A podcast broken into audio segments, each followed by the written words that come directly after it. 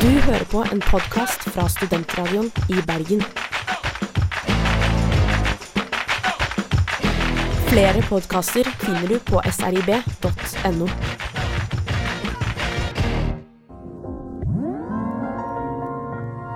Good evening, ladies and gentlemen. I'm certain by now you have guessed that tonight's play is about gravity and people who resist the Earth's pull. Earth's pull. You're wrong.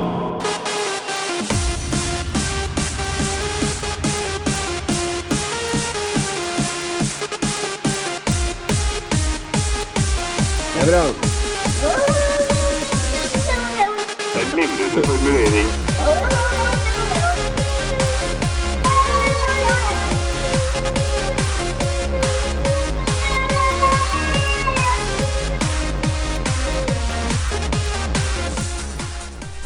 Da hilser jeg velkommen til Livets skole på Sentralen Bergen. Vi skal ta for oss et helt nytt tema denne uken, og det er stoisisme. Eh, først skal vi til det ukentlige oppropet. Steffen Ask Sleire.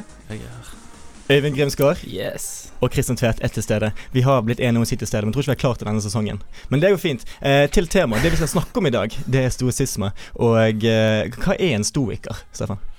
En stoiker er jo da en som uh, følger uh, denne filosofiske eh, retningen, stoisisme. Og vi har jo hørt uttrykket 'stoisk ro'. Det kommer fra, fra dette her. Eh, Så for alle som lurer på hvor det uttrykket kommer fra, det er 2000 år gammelt, ja, cirka. det, og det handler jo altså da om å ta eh, alt som kommer mot deg, med fatning. Knusende ro. Mm. Altså. Eh, og det ligner jo egentlig litt på det mange religioner eh, eller streber etter å være også, fordi at eh, det er jo et prinsipp i buddhisme og, og kristendom og islam om en sånn indre ro er veldig viktig hele tiden, eh, men stoikerne tar den helt ut. Men før vi kommer så langt, så skal vi til det vi har lært siden sist. Selve livets skole, den går jo 24 timer i døgnet, syv dager i uken. Hver uke prøver vi å lære noe på livets skole. Det er en del av eh, dette prosjektet vi driver med. Ja, det er jo mange som eh, går på livets skole uten å lære så mye. Så eh, hva har du lært på den ekte livets skole siden sist? Hva har vi lært siden sist her på livets skole? For det viktigste med prosjektet vårt er altså å lære noe hele tiden. Steffen, vil du begynne å fortelle hva du har lært siden sist? Uh, jo, jeg eh, har uh, lært det at uh, Jeg har lært meg å bruke navn til folk mer. For det Sånn som vi gjør på luften her hele tiden, Steffen. Uh, ja, det, stemmer. Uh, I hvert fall prøver vi det. Jeg skal prøve å etablere dette her mer i dette programmet òg. men uh, for det at Det er noe jeg har vært dårlig til å gjøre. Det er for, gjerne, jeg tror det, det kommer av en litt sånn irrasjonell frykt jeg har for eh, og ikke uh, si riktig navn til folk. Ja, sånn, altså det er sånn på en måte sånn Det er jo uh, en sånn En funksjon der Altså, jo mer åpenbart det er at jeg burde kunne navnet til noen, jo større er liksom fallhøyden hvis jeg skulle si feil navn. Uh, uh, dette, jeg merker at dette er rarere Jeg synes det, eh, når jeg synes det er det som om er det. irrasjonelt. Jeg syns det er rasjonell frykt, men med en gang man tenker på de man kjenner godt, så er, det irrasjonelt. For det er, sånn, det, det som er verst, er hvis du sier jeg har møtt noen ti ganger, og du Ja. fortsatt ikke kan navnet. Det er da det er ille. Hvis du ikke har møtt noen i tre år, så har du ingenting å si om du sier feil, for da vet du at de, du kjenner dem. Nei, ikke det Ja, men det, hvis du Nei, men da er du bare feil, liksom. Altså, hvis da jeg er liksom det, ja. hadde sagt sånn Øystein til deg Det har ikke vært stress.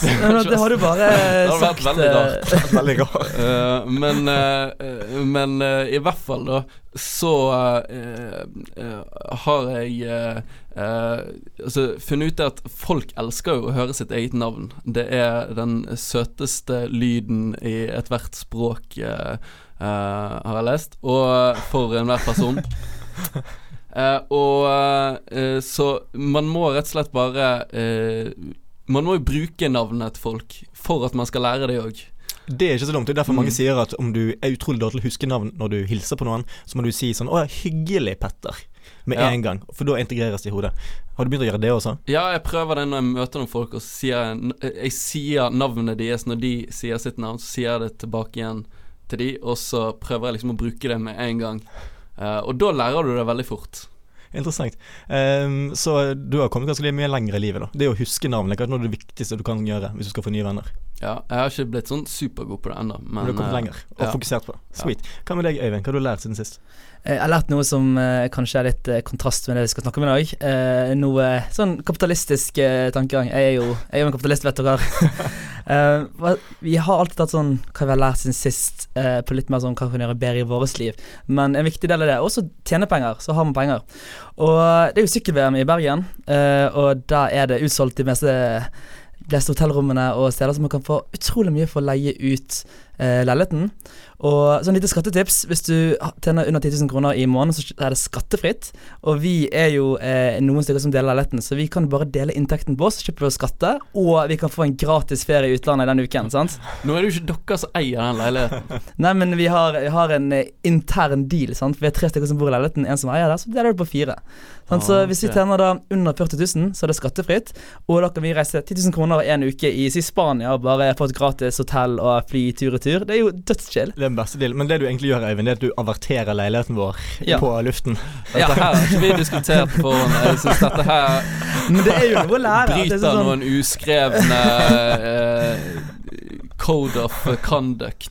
Men her er det, Ja, her er det to læringer. Det er sånn skattetrikset. sant? Tjene under 10 000 kroner i måneden, så dele inntekten på flere. Det er ett triks, det som jeg har lært. Og nummer to er at hvorfor ikke kapitalisere seg av sånne muligheter. Jeg ble kvalm. Blir du kvalm? Jeg, altså, jeg bor jo også i den leiligheten, så jeg tjener penger på dette. Og jeg, eh, det var ikke jeg som sa det, bare det, det jeg. Eh, det jeg har eh, lært siden sist, det er noe om meg selv.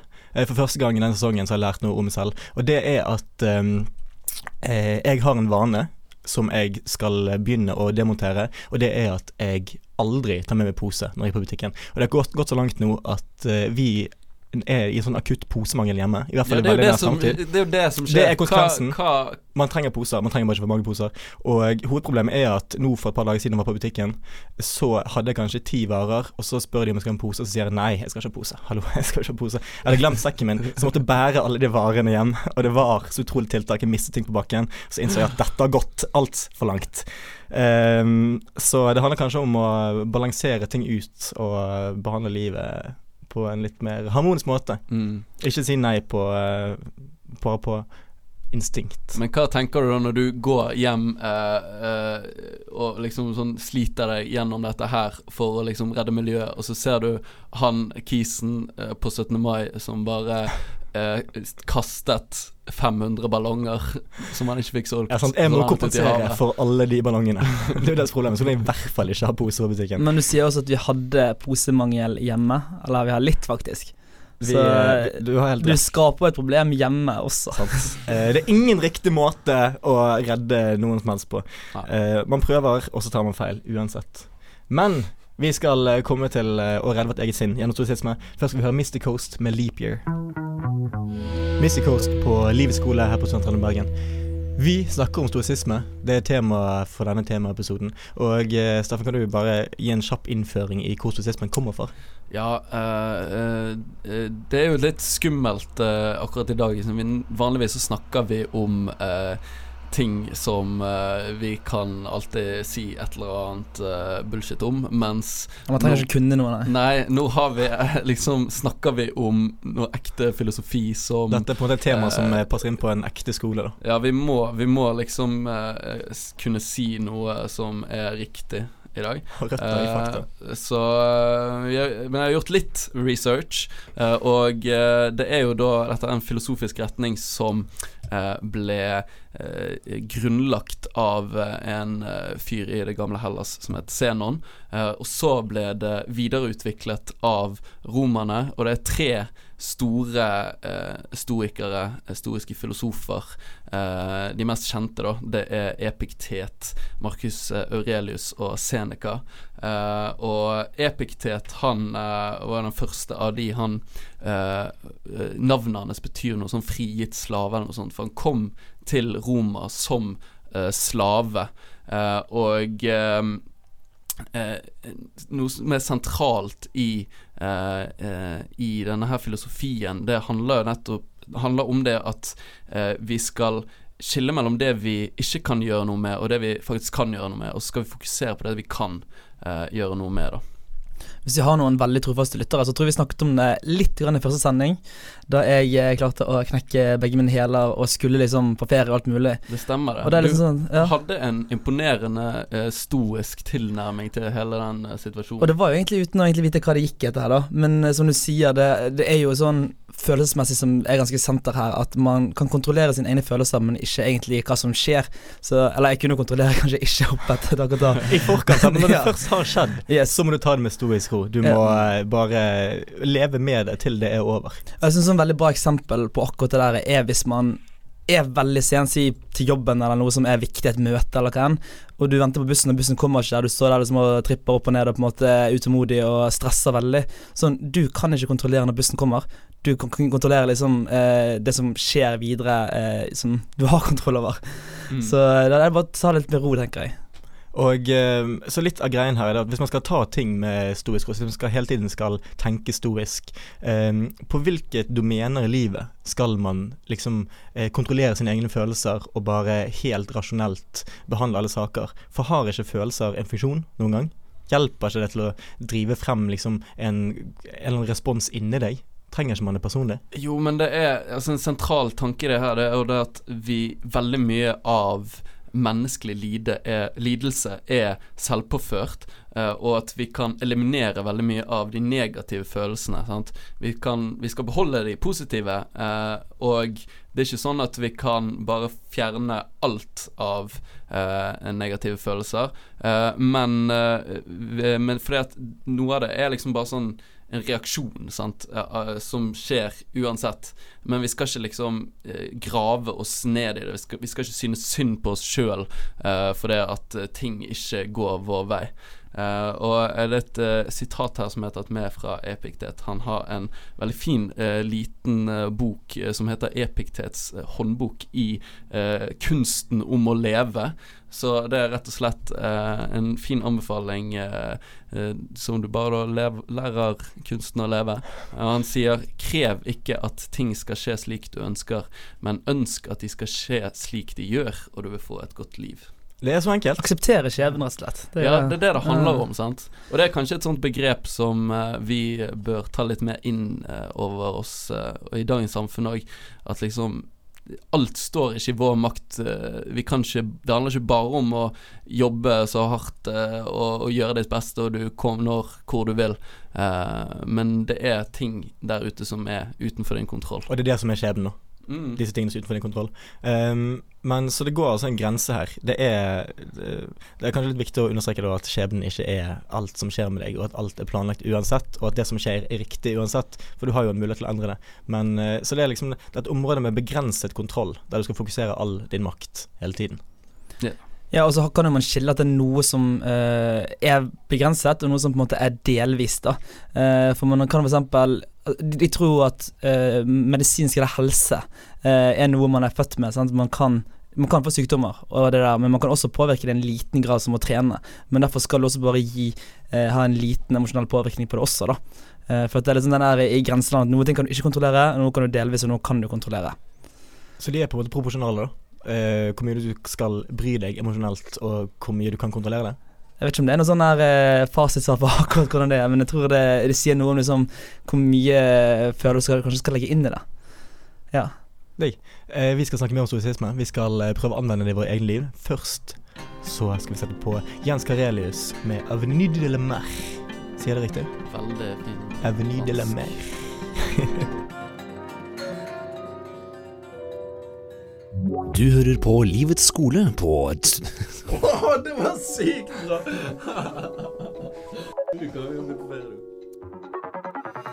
Du hører på Livets skole på Studentradioen i Bergen. Og her på Livets skole i Bergen så snakker vi om stoisisme i dag. Og eh, vi skal prøve å på en måte komme frem til hvordan vi kan anvende denne filosofiske retningen på best mulig måte, sånn at vi som sitter her i studio og eh, kvasfilosoferer hele tiden, kan liksom bruke ekte filosofi til noe ekte. Eh, så vil en av dere begynne, Steffen Øyvind? Ja, vi snakket jo litt om det i sted, at eh, første steget er jo det å kunne klare å skille mellom det som eh, du kan kontrollere, og det du ikke kan kontrollere. Så kan vi dele det inn i tre, da. At det er noen ting du har full kontroll over, eh, noen ting du har litt kontroll over, og noen ting du ikke har kontroll over i det hele tatt. Eh, og de, den første og den siste trenger vi egentlig ikke bry oss om i det hele tatt. For det at det vi har kontroll over, har vi jo kontroll over. Og det vi ikke har kontroll over, kan vi ikke gjøre noe med uansett.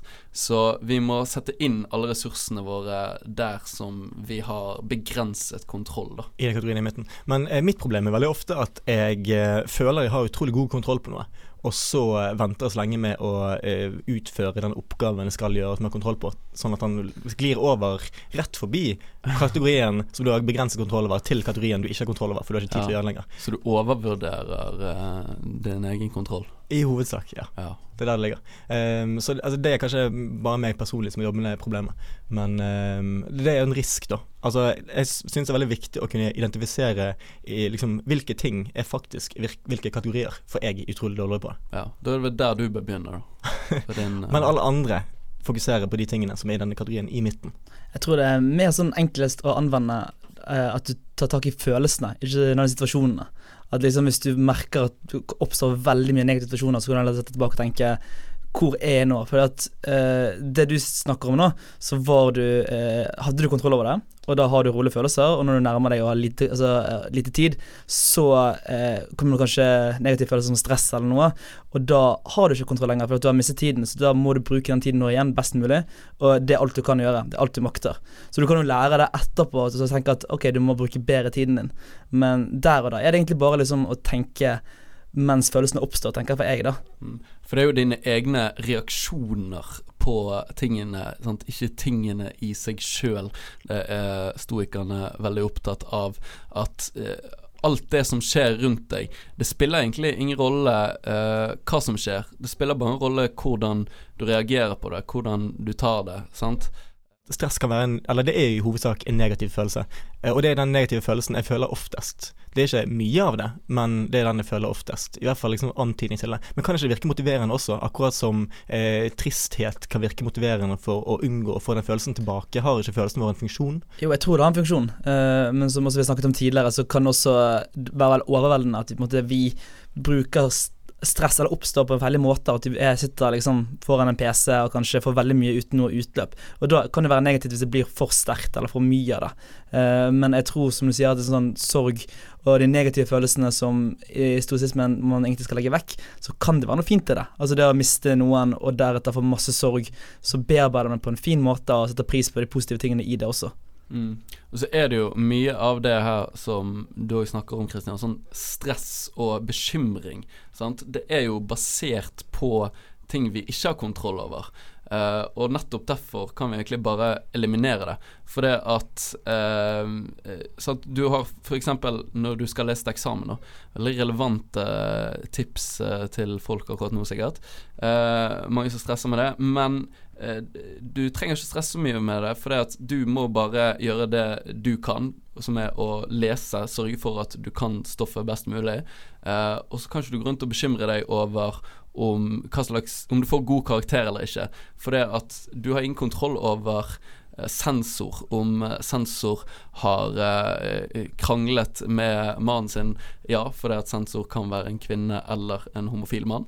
Eh, Veldig bra. og la òg ta det da ut over eh, deg på, i sin vurdering av din eksamen. Sant? Det, det har du ingen kontroll over, så du må egentlig bare la det fare. Man har heller ikke noe kontroll over oppgavene som kommer på eksamen, og alt det der. Sant? Ja, det er så mange ting som du kan bekymre deg over, men som det spiller ikke noen rolle hvor mye du bekymrer deg over det.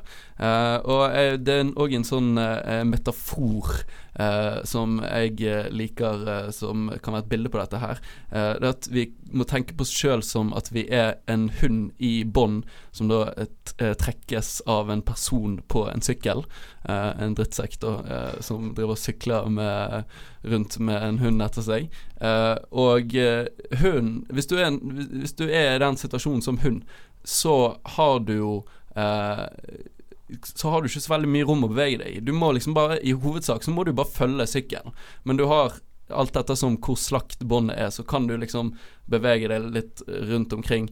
Eh, men jo mer du prøver å gå i totalt eh, forskjellig retning fra sykkelen, jo mer lidelse vil du jo da oppleve. Så i denne metaforen så har man liksom en vei man må følge i livet.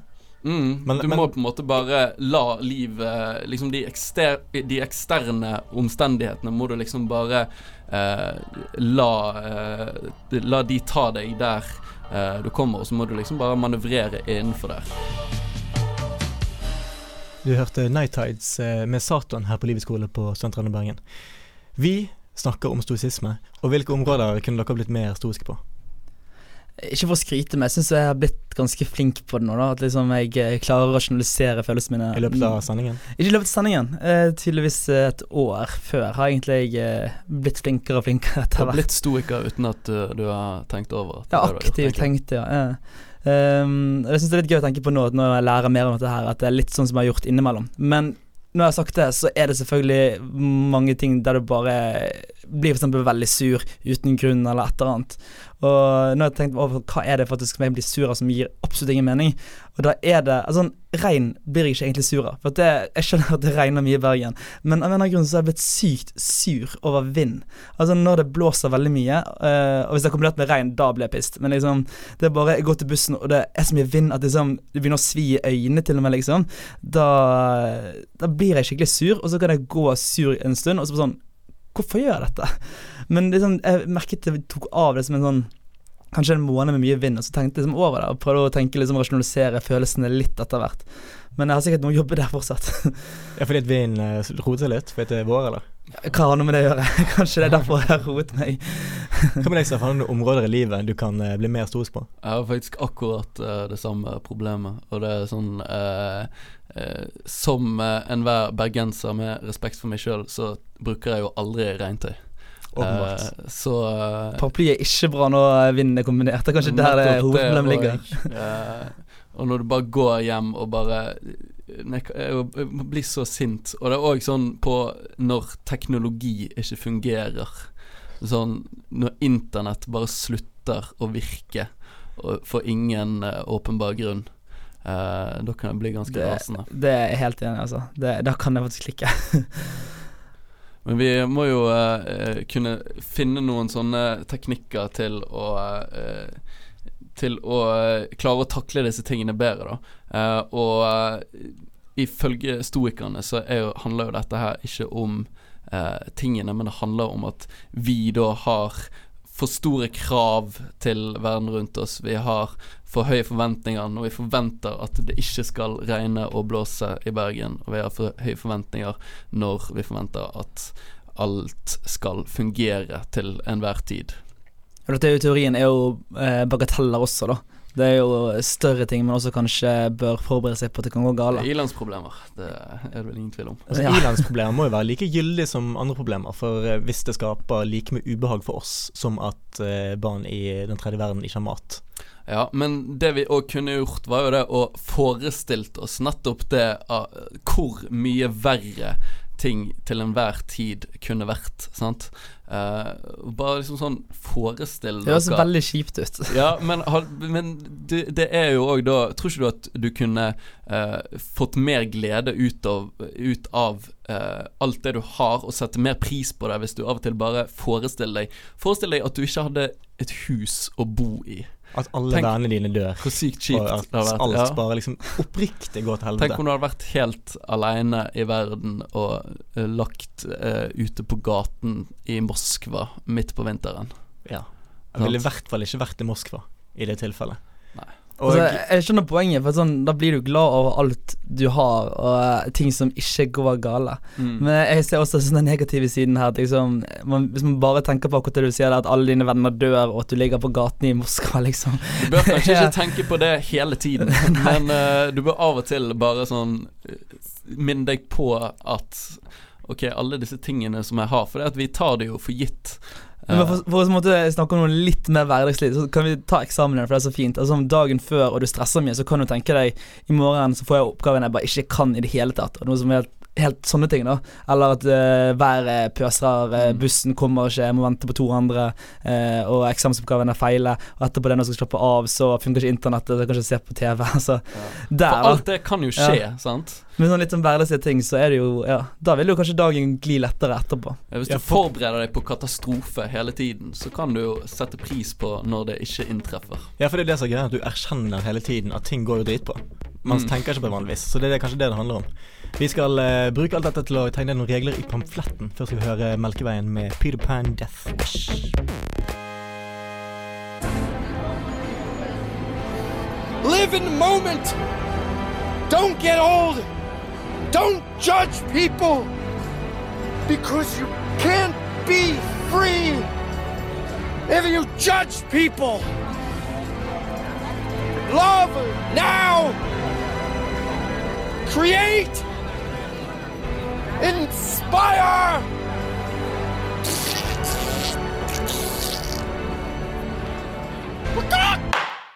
Vi legger til regler i pamfletten. Hovedprosjektet i Livets skole er å lage regler som gjør at eh, vi i studio og du som lytter får et bedre liv. Så har vi noen regler vi kan tegne opp i pamfletten. Jeg syns vi skal ha noen regler som uh, dytter oss litt i retningen uh, av å, å leve stoisk, for jeg uh, har veldig sansen for stoisismen. Vil, du vil anse deg som en stoiker, sånn Steffen? Jeg vil anse meg som en stoiker den dagen jeg klarer å gå hjem mens det regner og blåser noe inn i helsike, og ikke være pottesur. Og det Jeg er ikke, jeg er ikke der ennå. Nei, også pottesur. Altså, det, du skal liksom ikke til det punktet der du ikke lar deg affisere i det hele tatt. Du skal bare ikke være skikkelig forbanna. Jeg tror jeg må klare å, å bare tolerere uh, regn og vind uh, før jeg eh, kan smykke meg med den tittelen. Ja, men det er i hvert fall bare ett, én komplikasjon. Ett hinder i veien enn Ja, så lenge. ja, ja. Så det som vi har funnet ut, er jo det at det viktigste du må gjøre da, hvis du skal være en stoiker, det er at eh, du må eh, først da identifisere eh, hva er det du har eh, ikke har kontroll over, la de tingene fare. Hva er det du har kontroll over, det trenger ikke du å fokusere noe på. Men eh, du må altså da legge inn innsatsen for å forbedre ditt eget liv på de tingene du har eh, litt kontroll over. Så det syns jeg kan være første regelen. Fokuser på de tingene du har begrenset kontroll over. Jeg hadde jo store problemer i hvert fall tidligere i sendingen med å klare å identifisere de tingene. Mm. Og putte de tingene i riktige bokser mellom kontroll, begrenset kontroll og ingen kontroll. Eh, så jeg skal begynne der. Men dere kan jo fokusere mest på det. det er jo vanskelig å eh, kategorisere dem, tenker jeg også. Men jeg, jeg gjør det gjennom liksom eh, Når følelsene oppstår, så tenker jeg liksom over situasjonen som har fått det til å oppstå, og deretter vet jeg om at det er noe jeg kan forandre, eller om dette her er utenfor min, eh, min makt. Så jeg liker den regelen veldig godt, for det er jo egentlig det som gjør stoisismen bra. At liksom man kan faktisk, eh, når man får negative følelser og har det kjipt, så kan man rasjonalisere dem litt og tenke liksom Og dette kan jeg ikke påvirke. Så får man det bedre. Det er, liksom, det er jo en treningsprosess. Det tar ikke, det tar ikke en dag. Nei. Det Men det jo, ligger eh, en frihet i det òg, tror jeg. Ved å liksom sånn akseptere alt det som du, du ikke har noe makt over. Ok, men Da vil jeg foreslå en regel der du eh, konseptet er at du skal senke forventningene hele tiden. Senk forventningene uansett, så kan ingenting gå gale. Ingenting kan påvirke deg negativt. For du har ingen forventninger til noe som helst. Mm. Jeg syns det blir litt sånn careless eh, tankegang som ikke nødvendigvis er bare positivt, da. Med å bare liksom drite i absolutt alt som skjer. Eh, så det, jeg, jeg, sånn som det vi snakket om i forrige stykke, jeg syns det er veldig fint at liksom man kan uh, tenke litt på hva, hva som kan gå gale. Uh, for at det fører til at når noe galt skjer, så tenker du sånn at ja, men sånn er livet, liksom. For livet er sånn. Det er ikke bare gode ting som skjer i livet, og det er veldig mye kjipt som plutselig oppstår uten grunn også. Men liksom det å forvente seg litt for sånne ting, syns jeg er fint. Eh, og det som for eksempel liksom, tenke at eh, det som du håper går veldig bra, liksom, det, er ikke sikkert det er like fett, det kan også være noe bra. Men sånn der gå aktivt inn for liksom, å tenke negativt på alt mulig og senke forventningene sine, så er jeg redd for at det tar kanskje fokuset på det negative også, istedenfor å tenke på det positive når det skjer. Men det er ikke nødvendigvis negativt, det er bare ikke positivt. Det er liksom nøytralt. Men er det digg er å bare være helt care-tall, liksom? Nei, for Er du vil jo få det bra når ting går bra. Ja, men kanskje du bruker så mye ressurser på å tenke på negative ting at man faktisk legger merke til de Nei, man tingene. tenker ikke på negative ting. Eh, i, i akkurat det hovedpoenget mitt her, da. Er det bare sånn, du skal ikke ha forventninger til noe av det som skjer. Hvis ting går gale, så hadde du i hvert fall ikke forventet at det skulle gå bra. Så du blir ikke skuffet. Du unngår all skuffelse. Og hvis det går bra, så blir man glad. Eh, ja, litt i hvert fall. Ja. Man blir jo glad av å ha det gøy, på en måte. Ja. Hver Mm. gang noe overgår forventningene dine, så blir, må man jo bli positivt overrasket. Det er jo sant. Så hvis du eh, har nøytrale forventninger, så må det jo bli bra Mm. til slutt. Hva tenker dere? Flere regler? Nei, jeg syns egentlig det er en uh, fin regel med senk forventningene dine. da Altså Det går jo på en måte på eh, på en måte det positive og negative vi har snakket om nå. Så hvis vi eh, følger dem, så har man det sikkert bra, da. Satser vi på. Tenk på alt som kunne vært verre. Absolutt alt som kunne vært verre.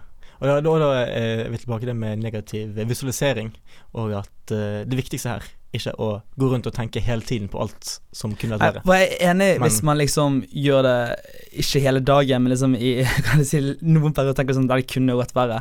Og så hvis man tenker litt vanlige tanker, ikke sånne syke som, som vi snakket om i sted. Jeg syns ikke det er bra å gå rundt og tenke på at eh, foreldrene kan dø når som helst. Jeg syns ikke det er en god ting, men eh, man bør forberede seg på som at det kan, det kan skje ille ting i morgen, liksom. Ja, og eh, hvis du f.eks. hver gang du står opp, da, står på morgenen og tenker sånn OK, jeg er ikke død. Vennen min er ikke død. Det går fint. Nå syns jeg det blir liksom for eh, dramatisk igjen. Det går an å sånn tenke sånn som at i morgen så kommer det til å regne, bussen kommer ikke Altså litt mer da Hva om noen dør, da? Ja, det kan jo Ja, men skje. da skal det jo være lov være å føle kjipe følelser. Det er det, altså, negative følelser har jo en positiv effekt, det også. At man skal, altså Når det skjer sånne store ting, så skal man få lov Altså Dør alle vennene dine, så skal du faktisk sorge, og du skal ha det kjipt. For at det er en veldig kjip ting. Men Da tror ikke du man- at du klarer å sette mer pris på uh, det du har da, når du vet at det kan forsvinne når som helst? Jeg tror at Hvis man har en sånn tankegang om at eh, på litt mer hverdagsnivå, så tror jeg det er overførbart. Men jeg tror at liksom, sorgprosessen er relativt lik uansett, og at man har det veldig kjipt. Men jeg tror man med en sånn eh, tankegang i livet generelt gjør at eh, når sånt skjer, så vet man at livet ikke bare er bra, og at sånne ting skjer også. Så jeg, jeg tror man kan få det av å ikke tenke sånne tragiske tanker hele tiden. Ja, du mener å eh, vente til noe veldig, veldig kjipt skjer, Ja, med men tenke måtte, på de eh, tragiske tenk- tingene? Ja, man kan tenke på ting som går verre, men man trenger liksom ikke tenke de mest dramatiske tankene på hverdagsbasis, liksom. Vi ble visst ikke ferdig med eh, diskusjonen i dette programmet. Ser det sånn ut? Da er jeg litt usikker på om det er en regel. Men man kan jo ta det som regel. Jeg tenkte bare som kunne gått ver- vært verre. Men så, man tar det med en klype salt i sitt eget liv, liksom. Ok, Så, så du, ikke- du, du tenker på liksom at det kan begynne å regne, og meg og Steffen tenker på at alle vi kjenner dør. Så kan vi ta og se hva som skjer best når noen dør, da. Om hvem som har det Hvem som har det verst? For liksom Om det har noen og... effekt. Greit. Vi skal til eh, forrige ukes og neste ukes oppdrag. Først skal vi høre Bad Bad Not Good med Time Moves Slow.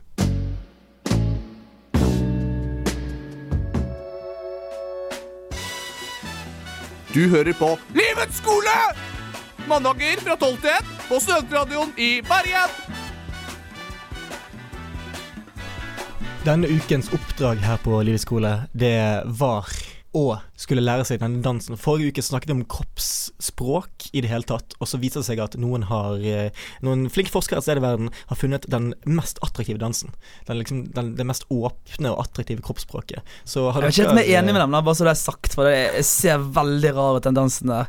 Det er som det er rare armbevegelser og hodebevegelser og knær og sånt. Men, Men uh, det er inne på noe. Det er inne på at noen har det gøy. Det er i hvert fall uh, Ja, der. for vi var jo alle tre samme sted for et par dager siden og utførte denne dansen i praksis. Jeg kan bekrefte at dere begge Ute har i eh, offentligheten. I offentligheten. Ja. Jeg må innrømme at jeg hadde et lite folk. forsøk uh, før den. Eh, jeg var på Yes, russetreff. Eh, og jeg kan si at uh, det passer ikke inn på sånne steder. Der uh, danser man noe helt annet. Og da er man ikke kul hvis man Øyvind, er du en av de som altså, tar på seg uh, russebuksen og sniker seg inn med fake leg? Men du hadde på deg russebuksen? Nei, det hadde ikke jeg. Ja, du. Det hadde jeg ikke. Nei, men det funket jo ganske greit for tre dager siden, men man føler seg eh, Med, Nei, det gjorde ikke jeg. jeg prøver å gå videre med dette eh, russetreffet nå. Vi, vi glir videre til uh, faktisk uh, ukens oppdrag.